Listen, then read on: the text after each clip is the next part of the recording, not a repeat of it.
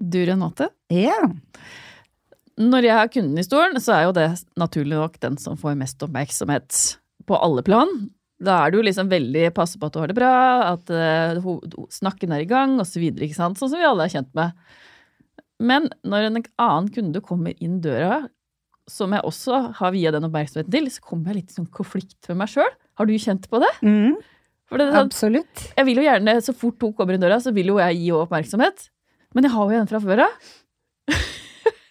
jeg har begynt å tenke på her i dag. Hvordan skal man liksom løse den derre greia? Jeg har ikke kommet på noe svar heller. Jeg tror man Det var bare en sånn pussig følelse. ja, Ja. man må bare snu seg og bare si et lite øyeblikk, og så bare hei! Straks ved deg! Blunk, blunk, eller et eller Ja. annet. og så ta det når det liksom passer. Ja, ja, og det er jo det jeg gjør, da. Mm. Men det var liksom sånn Da jeg kom til å tenke på dette, da, da, da er jeg sånn konflikt med meg sjøl. Ja, Mm. det skjønner jeg godt. Ja. Velkommen til Hårpodden, jeg heter Renate. Jeg heter Ann-Marit. Ja, Marit, hvordan har uka di vært? Jeg har litt lyst til å snakke om bak stolen, jeg. Ja, Ja. sant! Du, for en fest! Fy søren, så flinke dere er. I know. Nei da. ja, det er gøy. Ah, Det er- ja, det, det var så mange mennesker jeg snakka med, og som jeg ikke har sett på lenge. Og nei, jeg koste meg så masse. Det er liksom litt i frisørens hjerte, for det er minglefest, det er jo det. Mm. Litt low-key, samtidig som man får masse oppmerksomhet. Men det som jeg opplever som er rarest, er at en, en drøm man har hatt, en ting man gjør som man liksom egentlig ikke har tenkt så mye over, gjør at andre står og gråter når de vinner. Det ble jeg litt satt ut av i år, egentlig, for det var jo to som virkelig gråt. Så koselig. Ja. ja. Og jeg blir jo veldig lettrørt sjøl, så det, Du skrudde på kanalen, du òg? ja, Ja. det er eh, Nei, det er skikkelig, skikkelig For alle frisører fortjener å bli hylla, for vi gjør en kjempejobb. Jeg er så enig. Var det, dere fortsetter med dette her, eller? Absolutt. Ja, Så bra. Absolutt. Var var det noe som Var det noe som gikk galt? Var det noe som var bra? Har, du, har dere reflektert over sånn? Det er alltid noe som går galt for at det skal gå bra. Så det som kanskje gikk mest galt, tror jeg, sånn, det var eh, de der lapparna lappene hvor vi følger tidsskjema. For selv om du pugger tidsskjema, så glemmer du det. Du får jo liksom blackout når du er oppi. Så det er greit å ha de lappene, pluss alle de orda vi skulle si om frisørene. Hva som hadde gjort at de ble plukka ut som vinnere. De skulle lamineres dagen før, det blev ikke gjort fordi printeren blei ødelagt der hvor vi skulle gjøre det, så vi måtte kjøre til jobben til samboeren min, hvor printeren ikke funka, og hjemme så var det pakka bort, så der funka det heller ikke, så vi måtte faktisk printe ut det der vi var. Å ja, så dere fikk til det? Jeg laminerte alle de fine ordene, det gjorde jeg kvart over sju i baren på Youngs nede. Jeg sto i veien for alle og laminerte. Så det var det eneste som gikk gærent. Men da var det sånn De løp rundt meg og sa 'bli ferdig, bli ferdig', bli ferdig. Og da var jeg sånn Jeg bare lukker øra, for det her skal jeg ha ferdig. Mm. Og ellers var alt veldig, veldig, veldig Alt Ja, gikk det løste egentlig. seg. Det løste seg. Det gjorde det. Ja. Så, så sto jeg en time og venta på blomstene til Stian, da. Det var vel altså ikke med i tidsplanen. Men du veit, jeg er jo rolighet deg sjøl når, Ja, det er når det går gærent. Nei, dere, all, virkelig all kred til dere, altså. Det var kjempebra. Men kred til dere dommere, hvordan var det? Det har vært eh, en lang prosess. Litt Ja. lenger enn jeg hadde sett for meg. Mm. Men en kjempegøy prosess. Ja, Da har jeg jo sett gjennom alle bidragene, og det er så mange bra bidrag. Folk Mm. er så flinke. Nei, så all kred til de nominerte som kom gjennom det nøkkelhullet der, altså. Mm. Det, det er mye bra der ute. Ja, veldig. Mm. Veldig. Eh, Hadde du svart ja hvis du visste, visste hva, det, hva det innebar å være dommer? Ah, ja, jeg hadde sagt ja. Ja, for jeg syns det var veldig, veldig gøy. Det var det.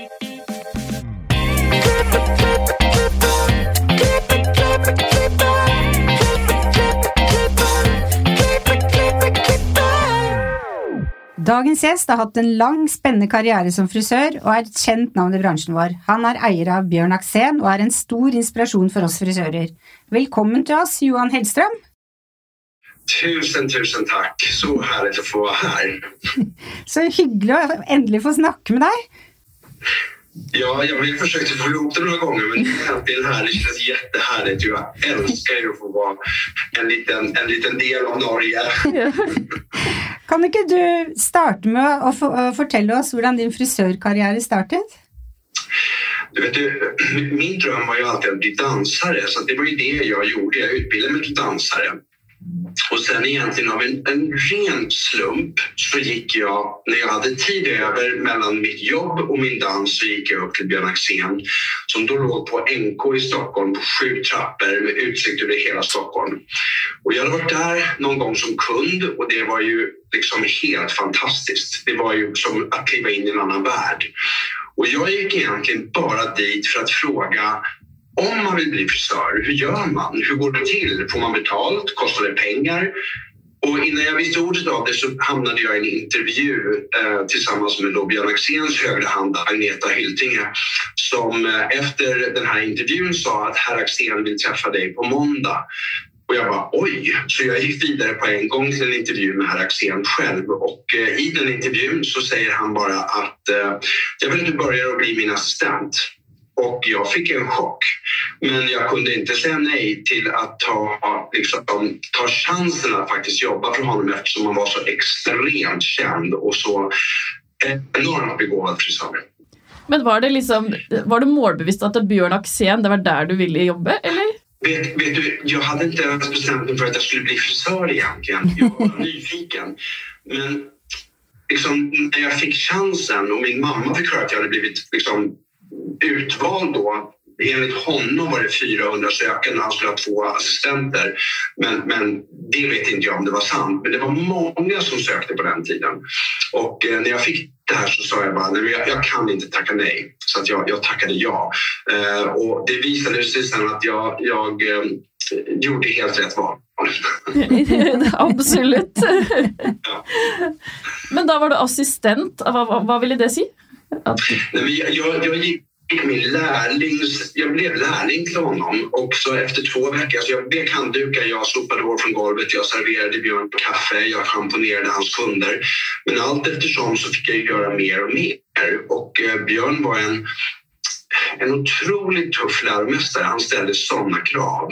Och jag fick ju utveckla mig själv och ta stort ansvar i att jag liksom lärde mig saker. Men eh, eh det gick ju väldigt bra. Mm. Så han var väldigt nöjd med mig. Hade du då gått någon frisörskola på förhand? Nej, nej. Men jag inser ju liksom att jag även som barn, vet jag friserade syrrans dockor. Jag, jag, jag, jag tog tag i folk som jag bara sa, jag ska klippa ditt hår. Jag kunde inte, men jag hade ju haft ett intresse sedan jag var barn. Så att jag insåg ju också, för mamma gav mig faktiskt, jag var 12 år gammal, då hade jag en prislista hemma. Klippning 15 kronor, slingor 20 kronor. Eh, så att jag hade ju tydligen hållit på med det här ett tag. Så att jag, jag det, det var ju i mina händer, liksom. jag hade ett intresse. Som, som mamma, hon blev inte chockerad över valet? Hon hade för... Nej, inte alls. Det var fantastiskt. ja. Och liksom, tänk att ha en, en son som är frisör. Ja. Fantastisk. Ja. Hur många var det som jobbade i den salongen den gången då? Och, alltså jag kommer inte ihåg, jag, jag började högst uppe på NK. Och Eh, Eh, det kan ha varit någonstans mellan 20 och 30 kanske. Det kan hända att det var ja, men kanske 20.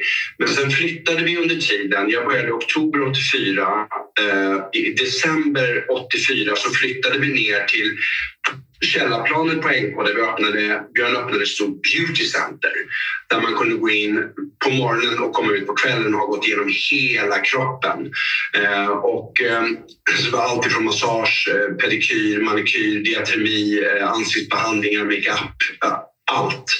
Eh, och eh, det var en fantastisk resa faktiskt att vara med på det där för då redan 1984 så hade Björn Axén databokning. Han Oj. fick en person att bygga det här systemet, Dick Wretlin, som idag är It's Perfect eller Boka Direkt, som, som nu är, har köpt det. Så, så det är ju ett av Nordens största bokningssystem. Det var Björn Axén som lät honom bygga det åt honom för han ville vara först med databokning 84. Det är rätt häftigt. Han var en sann entreprenör. Wow. wow. Men har han alltid varit sån på eh, forskud på vad som kommer? Ja, det har han varit. Han, han, han var ju också så när han släppte sina första produkter 1984 så ville han ju redan då insåg han, för han hade, han hade svåra eksem i sina händer och eh, han hade jobbat för andra hårvårdsföretag så han hade lärt sig mycket om produkter. Men när han släppte sin egen serie så ville han att den skulle vara både snäll mot människan, eh, snäll mot miljön, men det skulle funka i håret. Så att hela skinification-trenden var han mån om att börja redan 1984. Så han har varit otroligt före sin tid i väldigt många avseenden. Och det är ju häftigt. Liksom. Det, det är ju riktigt coolt faktiskt. Oh, wow. Hvor, hvor lenge var du assistent for Bjørn Axel? Ja, jag, jag, var hos Björn lite drygt två år. Eh, och sen så fick jag, efter ungefär två år, så fick jag ett samtal från Hamburger Börs scen och det var min stora dröm fortfarande med dansen. Och då undrade de om jag kunde komma över lunchen och provdansa för att få stå på Hamburger Börs scen tillsammans med After Dark. Och eh, jag blev ju väldigt nervös, sprang över på lunchen, drog på mig trikåerna, dansade, fick jobbet. Och jag tänkte, herre Jesus. Så att jag jobbade dagtid hos Björn och sen dansade jag på kvällarna. Och eh, sen tog jag mitt gesällbrev. För det var viktigt för mig att göra. Och, eh, då, då gick ju det väldigt bra. Men sen så fick jag faktiskt, eh, efter att jag hade jobbat färdigt med, med, eller vad säger, med, med eh, After Dark så fick jag jobb med Cats och då insåg jag att nu, nu måste jag sluta hos Björn. Så då slutade jag hos Björn och så började jag min danskarriär med Cats, Phantom the Opera, Sorba, Cabaret, jag fick dansa med After Dark och Diana Ross i New York, Monte Carlo Sporting Club. Så att hela min danskarriär och musikalartistkarriär började då också. Du, du hade top notch både som dansare och som frisör? Du? Jo, men jag gjorde samtidigt håren till de här olika musikalerna. Så jag, jag var ju väldigt aktiv med mitt frisöryrke. Så att det, det, här var liksom... Eh, eh, jag kommer ihåg när jag intervjuades av Björn och då nämnde jag för honom om dansen och han sa nej, du kan inte bli bra på båda delarna utan du måste välja ett yrke. Och det här är någonting som ni kommer förstå med mig. När någon säger till mig att du kommer inte kunna det här eller du kan inte så tänds en svetslåga hos mig och så måste jag bevisa motsatsen. Det går visst. Så jag lyckades bli framgångsrik både som frisör och som dansare samtidigt. Fantastisk egenskap. Ja, och lite tröttsamt ibland. ja, det vill jag tro. ja. Men hur lång var dansekarriären din? Eller, ja? Eh, så jag började 86 eh, och jag slutade 93 med Phantom the Opera. Men sen hade jag ju dansat i olika föreställningar innan också eh, naturligtvis. Eh, så att jag började ju redan i skolan egentligen med dansen för det var ju det som var min dröm att bli liksom, eh, ja, proffsdansare och, och, och, det blev jag. Men sen, sen bestämde jag mig för att sluta dansen efter Phantom of the Opera 93 och jag skulle öppna en liten salong med kristallkrona i taket och ta väldigt mycket betalt och jobba väldigt lite. jag tyckte det var en, en väldigt fin affärsidé. och det skulle jag göra med min kollega Peter Hägelstam. Och, eh, så vi började planera för det här. Men sen eh, så det här, var, det här var maj jag slutade och den 22 juni 1993 så hittades Björn Axén död i sitt badkar hemma. Och det här var ju en enorm chock. Han var ju så extremt känd så att det var på nyheterna, det var på tv, det var varenda mittuppslag i varenda tidning, löpsedlar överallt om att Björn Axén hade dött. Och det här var en stor sorg. Eh, och eh, eh bara en vecka senare så jag var, ju, jag var jätteförtvivlad för han var min läromästare och jag såg upp till Björn. Men bara en vecka senare så var jag hemma i mitt kök och så får jag ett telefonsamtal från Björn Axéns advokat som frågade om jag satt ner. Och jag sa att ja, nu sitter jag ner. Och då var jag 27 år gammal och så frågade advokaten är du medveten om att du är universell arvtagare till Björn Axéns livsverk? Wow. alltså jag, jag, jag förstod ingenting. Eh, och jag frågade bara, vad betyder det här? Ja, det betyder troligtvis att du har ärvt allt som Björn har åstadkommit i sitt liv, inklusive hans namn. Alltså, du vet, jag har aldrig ätit middag med Björn. Vi har aldrig umgåtts jag lämnade ju Björn. Fantastiskt. Jag började hos honom oktober 84 året efter, sommaren året efter, så skriver han sitt testamente och bestämmer sig för att jag ska ärva allting. Jag var 18 år gammal. Jag sopade hår från golvet. Jag vet handdukar. Jag ska ärva allt, men han kommer aldrig berätta det för mig. Alltså, ni förstår, det var, det var liksom en sån chock. Ja. Och, och sen visade det sig att det jag hade ärvt var ett, ett sjunkande skepp. För det var, det var verkligen konkursmässigt och, och det var väldigt, väldigt eh, eh, utsatt ekonomiskt. Så att mina rådgivare säger till mig Johan, vi tycker inte du ska ta över det här för vi tror inte att du kommer klara av det. There you go. det går liksom inte att säga så till mig för då bestämde jag mig på tre sekunder att nu, nu kör vi. Är ni med mig så, så kör vi. I annat fall så, så får ni lämna mig. Men de var med och de stöttade mig hela vägen och eh, ja, idag är det ett rätt bra företag. Och idag så är vi faktiskt, vi firar 60 år. Och Björn Axén hade drivit bolaget i 30 år och nu har jag och Peter drivit i 30 år. Och det är faktiskt helt fantastiskt. Gratulerer for en bragd! Alltså, vet du, det, är en sån, det är en sån historia. Ni ser helt chockade ut. Ja, ja, jag gjorde det. Jag fick helt gåshud när jag hørte dette her. Podden göra. De kommer inte se er, men ändå. Jeg lurer på hva, hva han tenkte, liksom fordi at han skrev alt på deg. Han må jo ha sett et enormt potensial i deg og dine egenskaper. Ja, jag, jag har ju funderat så mycket över det här. Jag kunde ju aldrig fråga Björn, men jag, jag är uppvuxen i en affärsfamilj. Både mamma och pappa drev bolag. Jag älskar, liksom, mina bästa ämnen i skolan var matte, kemi, fysik, biologi. Så jag är både kreativ men jag har också en businesshjärna. Mm. Kanske inte så himla vanligt egentligen i vår bransch. Men när jag var hans elev så kunde han ibland göra saker som jag tyckte var så tokigt. Så jag kunde säga till honom, och på den tiden titulerade man varandra så det var herr Axén. Jag skulle aldrig säga Björn, utan herr Axén. Eh, jag ser liksom att det här inte fungerar, men däremot om du skulle göra så här så tror jag att det skulle kunna vara bättre för alla parter. Och jag kom alltid med lösningar. Och det där var inte Björn, ett, han var inte van vid att någon sa emot honom. Två, han var definitivt inte van vid att någon kom med en bra lösning. Så att det här kanske var en av anledningarna till att han såg någonting i mig som, som han inte hade sett i någon tidigare.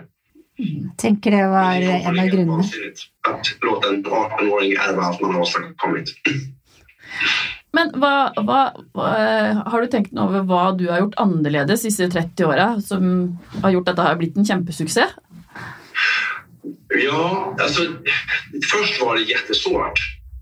Jag måste liksom med handen på hjärtat, hur, hur driver man ett sånt här bolag? Det var ju så att alla undrade ju vem jag var. 27 år gammal ska jag komma in och bestämma över folk som inte ens visste vem jag var, som jag skulle vara chef över.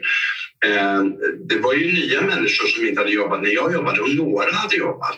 Men eh, så, så först och främst var det väldigt svårt att komma in. Jag lärde mig mina misstag. Eh, men, men när vi väl jag, jag såg väldigt mycket liksom hur vi måste bygga bolaget annorlunda. Och, och problemet var att många kom och de slutade tog med sig alla kunderna. Så min fråga blev hur kan vi skapa ett företag där människor och begåvade frisörer stannar och trivs? Hur kan vi sätta ett mål som är så tydligt så att folk vill dit men också hur ska vi ha det på den här resan? Att vi skapar ett kulturdrivet bolag. Det här tog några år, men när jag väl insåg det, att hur man bygger en kultur, då började vi bli framgångsrika på riktigt. Och, och, och det skulle jag säga, det, det är så viktigt liksom, att, att alla förstår. Vad, vad, vad går jag till jobbet för? Varför går jag till jobbet? Och vart är vi på väg någonstans? Mm. Hvordan bygger du kultur? Nå ble jeg nysgjerrig. Eh, när, när vi gjorde det här från början så, så eh, handlade det om att sätta ett mål och då satte faktiskt våra medarbetare, det här var 99 så det hade tagit några år, liksom, vi hade satt mål naturligtvis hela tiden men när vi verkligen satte ett tydligt mål att vi ville bli en av världens ledande salonger ja då blev frågan hur ska vi bli det då och vad innebär det och så vidare och så vidare och det var ett stort jobb.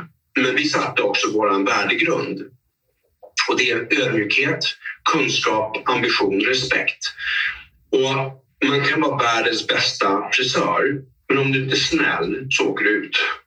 Det er så sant. Eh, Snällt är gratis eh, och jag tycker att det är så himla coolt med människor som är otroligt framgångsrika men som har ett stort hjärta. Och, så det var viktigt. Kunskap, alltså naturligtvis har vi inte en hög kunskap så, så, funkar det inte. Men man måste också ha ambitionen att driva sig själv, att vilja hela tiden bli bättre.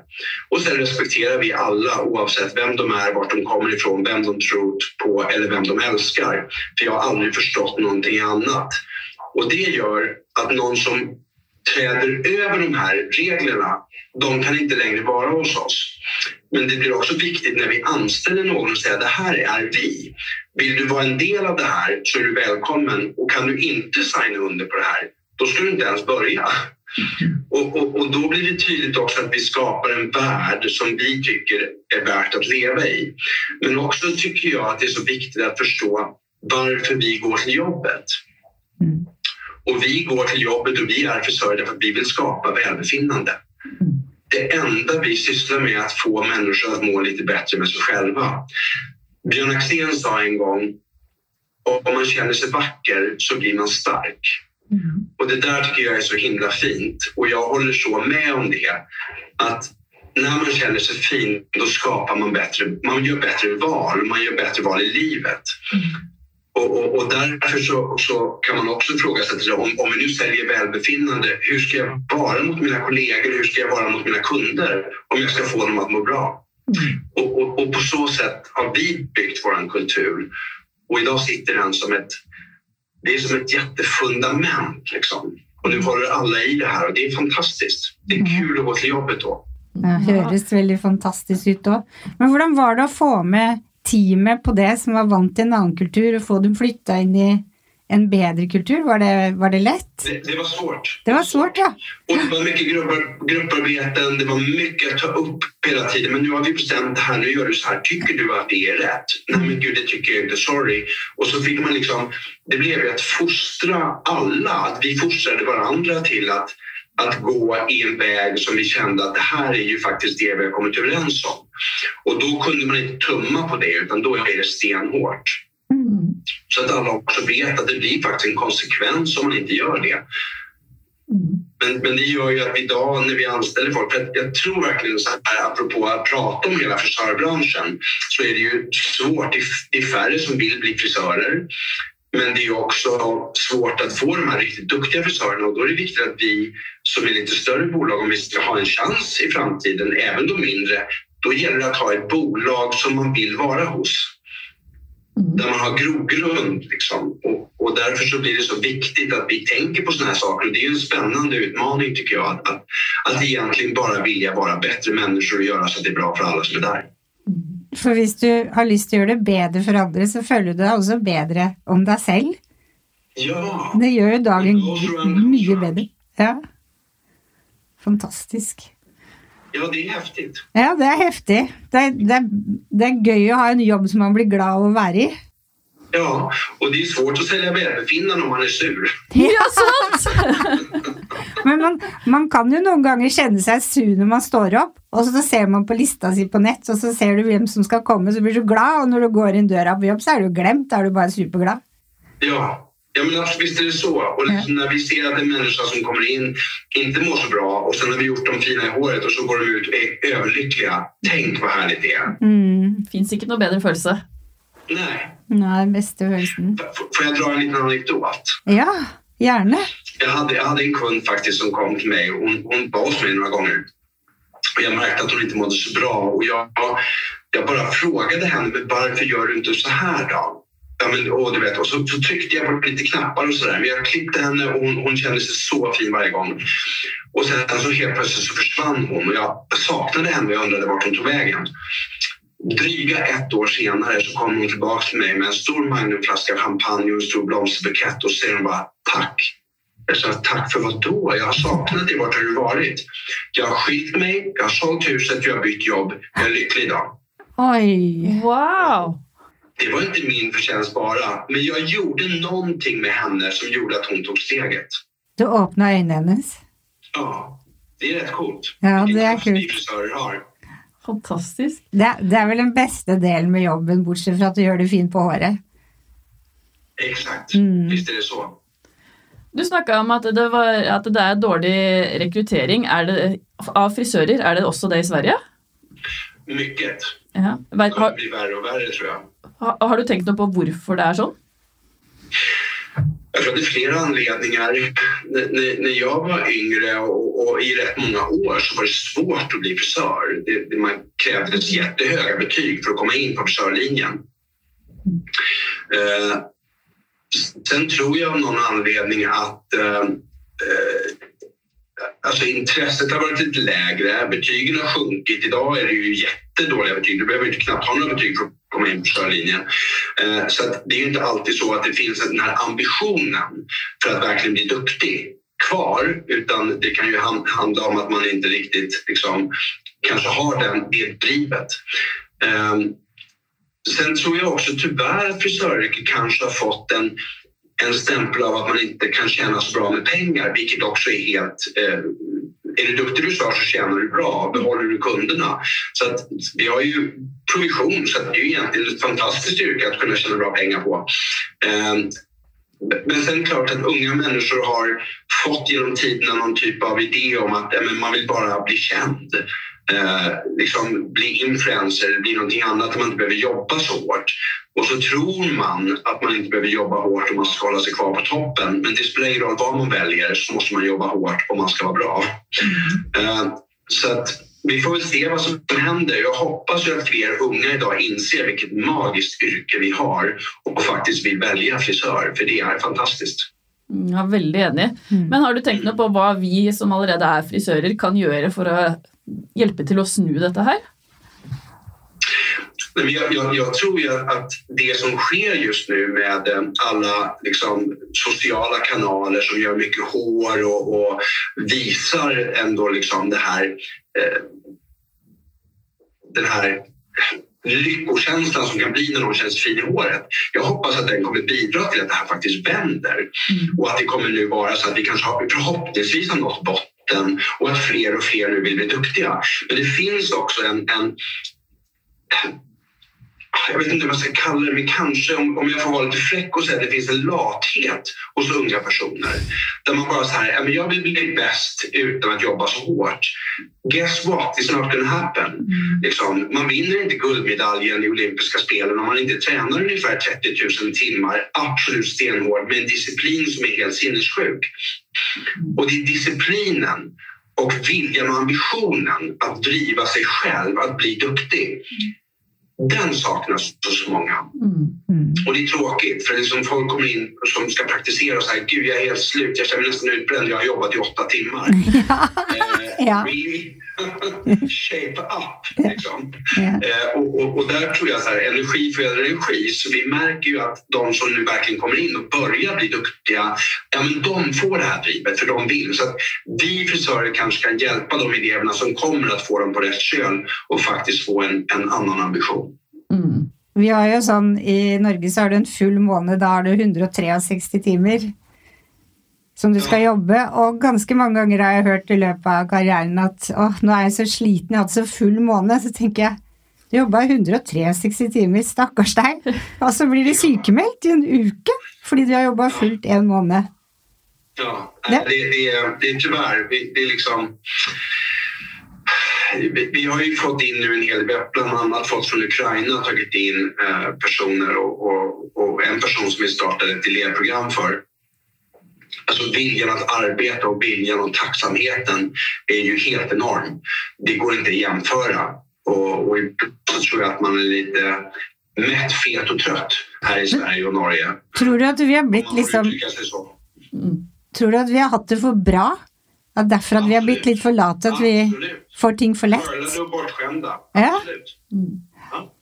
Så det er høyt sannsynlig Jeg, jeg har trua på at det er en generasjon som bare snur. Når generasjonen er over, hvis du skjønner. Ja, ja, och jag hoppas att det blir en förändring. Jag hoppas det. Men, men nu när vi faktiskt också får in eh, många människor, många kulturer, för- alltså andra kulturer där man inte haft det så, så svårt eller så lätt, så, så har man en annan arbetsmoral. Mm. Helt klart. Så att eh, vi är tacksamma för dem. Ja. Det Sant. lettere å stille krav til de som vil. Exakt. Ja. exakt. Du har gjort så utrolig mye spennende oppe i karrieren din. Ha- Hva er det som er drivkraften din? Gud, ja, vad är min drivkraft? Det- Jag vet inte, jag har något tror jag, in, inomboende liksom, kärnkraftsverk. en energibomb. Eh, men jag- jag drivs av att ständigt förbättra. Om man tänker sig att man har ett mixerbord framför sig med massa små knappar på. Liksom. Du vet, man rattar och rattar tills man bara "Nej, nu blir det lite bättre. Alltså jag, jag drivs av att förändra, jag drivs av att förädla och förbättra hela tiden. Ehm, och, och, och det är, jag tycker det är spännande och det är lärorikt. Hva er det neste store hos dere, da?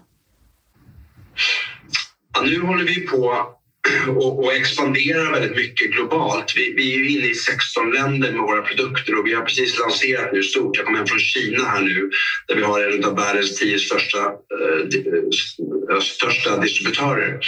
Och eh, det är otroligt spännande och då vill jag också lägga till att Kina nu har slutat med djurförsök. Annars hade vi inte gått in i Kina. Men, men det här är ett otroligt modernt företag med 70% kvinnor och 30% män.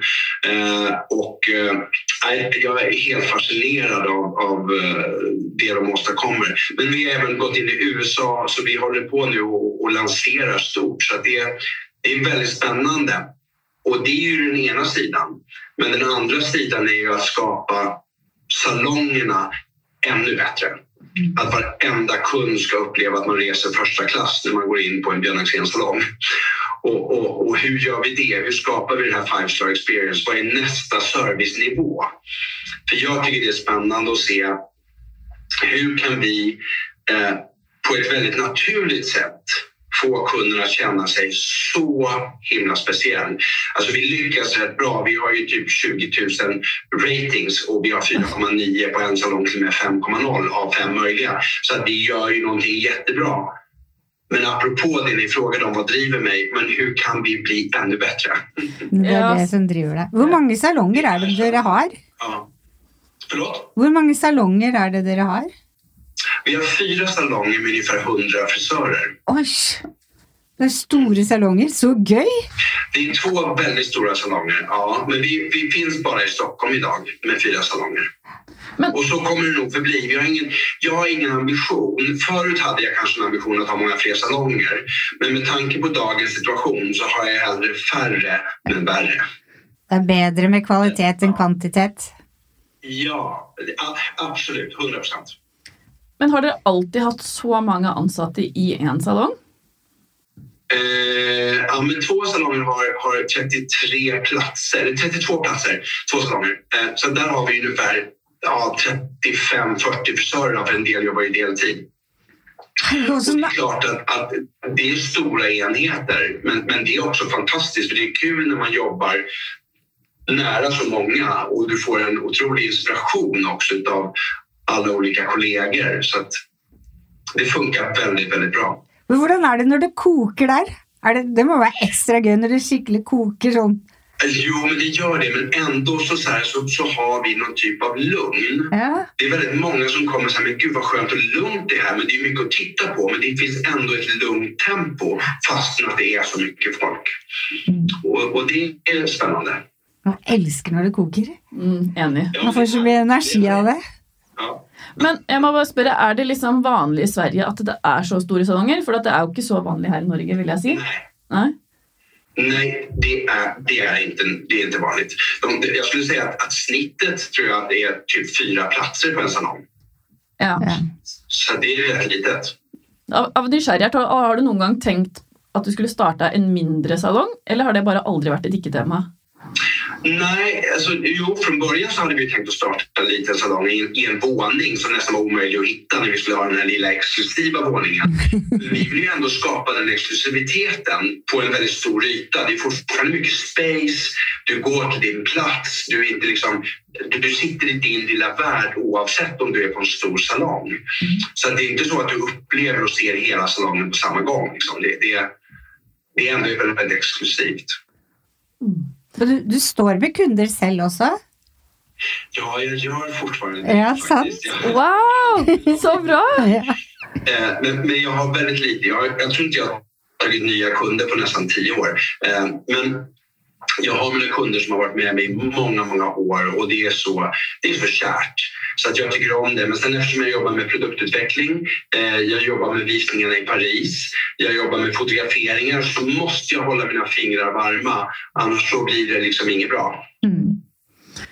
Hvis det er noen frisører her som har lyst til å gå på kurs med deg eller foredrag med deg, du, du holder eh, Hvor er det vi får i deg, da? Vet du, nästan ingenting faktiskt. Det är bara så här väldigt special requests som jag kanske någon gång kan göra. Jag gjorde mycket sånt förut och jag har gjort det genom åren men jag hinner inte det idag när jag är både VD, jag har mina kunder, jag håller på med, med, med en, en, globalisering så det, det, är faktiskt lite tufft att hinna med. Men jag har ju fantastiska kollegor som gör kurser och sådär också. Mm. Mm. Vem är, jag må bara fråga, vem är din frisörhelt? Vem som klipper mig? Nej, vem är din helt i frisörbranschen? Vem ser du upp till i frisörbranschen? Ah, åh oh, gud. Uh, alltså, vet du, det, det är rätt många idag. Uh, förr, förr i världen så var det verkligen så Vidal Sassoon och det var Michel Alexandre som, som, som eh, utbildade Björn Axén. Men idag med de sociala medier så ser jag väldigt många begåvade frisörer som gör, jobbar med visningarna i både Paris och Milano och, och London. Eh, så jag har en del där som jag tycker är så här, men, de är briljanta, liksom. de, de är bra, kreativa, duktiga frisörer som bryter gränser och det, det älskar jag. Och det är allt ifrån Guido till Alpresa till, till, eh, ja, till flera stycken. Mm. Du, ska, dere har jubileum denne hösten. Stämmer inte det? Ja, det stämmer. Vad ska ni göra ut av det? Vi, vi fyller 60 år och eh, nästa fredag den sjätte så har vi boklansering. Vi har skapat en väldigt, väldigt vacker coffee table book som berättar om de här 60 åren och som faktiskt daterar tillbaka rent frisyrhistoriskt till början på 1900-talet. Så det, det, är både så här frisyrhistoriskt arv, liksom kulturarvet, men, men det handlar också om den här resan som är, kan jag lova, om man läser den här boken, den är lätt att läsa för det är inte så mycket text, det är väldigt mycket bilder, men det är en svin... verkligen blottar både våra fram och motgångar genom de här åren som vi har drivit bolag. Och man får också lära känna vem Björn var. Var får man köpt denna boken? Får Norge köpt den? Får Norge köpt den, ja. Boken kommer man kunna köpa på Björn Axéns hemsida, alltså www.björnaxén.se. Och eh, vi kommer naturligtvis kunna skicka den. Man får betala fraktkostnader bara till Norge. Men eh, eh vi kommer bara ta 490 svenska kronor för boken så att det är ju ett väldigt bra pris för en väldigt vacker, stor, tjock bok. Jag kände umiddelbart att den hade jag lust på. Ja, ja, ja. ja, och jag hoppas ju, vi älskar ju liksom Norge. Vi har gjort så mycket kurser för så många norska frisörer också. Så det är väldigt, väldigt, eh, det vore så härligt om vi, om, om vi får lite norska kunder också. Ja, för dere, är, för dere kommer till Norge och håller kurs? Nej. Eh, jag har ju hållit så mycket kurser. Jag har rest runt så mycket i Norge i så många år, men jag gör inte det längre. Men eh, det har jag gjort, alltså, vi har gjort det i många, många herrans år. Men teamet ditt, kommer de till Norge? Eh, nu var det faktiskt ett tag sedan som vi var i Norge, men, men skulle vi bli inviterade så kommer vi gärna. Så gøy. Ja. Vi har eh, ti kjappe spørsmål til deg. Ja. Farge eller klipp? Klipp. Favorittprodukt? Saltwater gel. Langt eller kort hår? Ja, kort. Sjok sjokolade eller chips? Chips. HM eller Holsweiler? Oh, den var svår. ja, den var svår. Eh, Holsfire. Sverige eller varmare land? varmare land. Naturlig farge eller crazy color? Naturlig färg. Öl, vin, bobler eller drink? Champagne. Eh, Sasun eller Guy Sasun. Eh, Instagram eller TikTok? Instagram. Det var ti kjappe, det. Ja, Bra, det. vad bra. Ja. Ja, vad fint. Okej.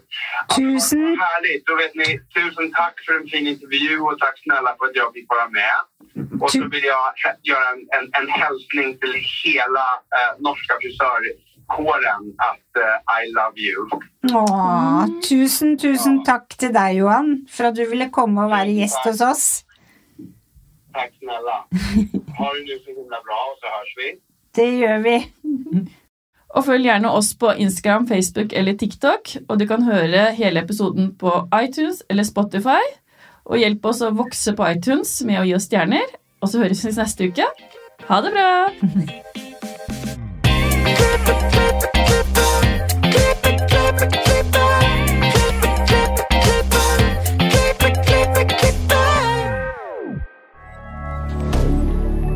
Media.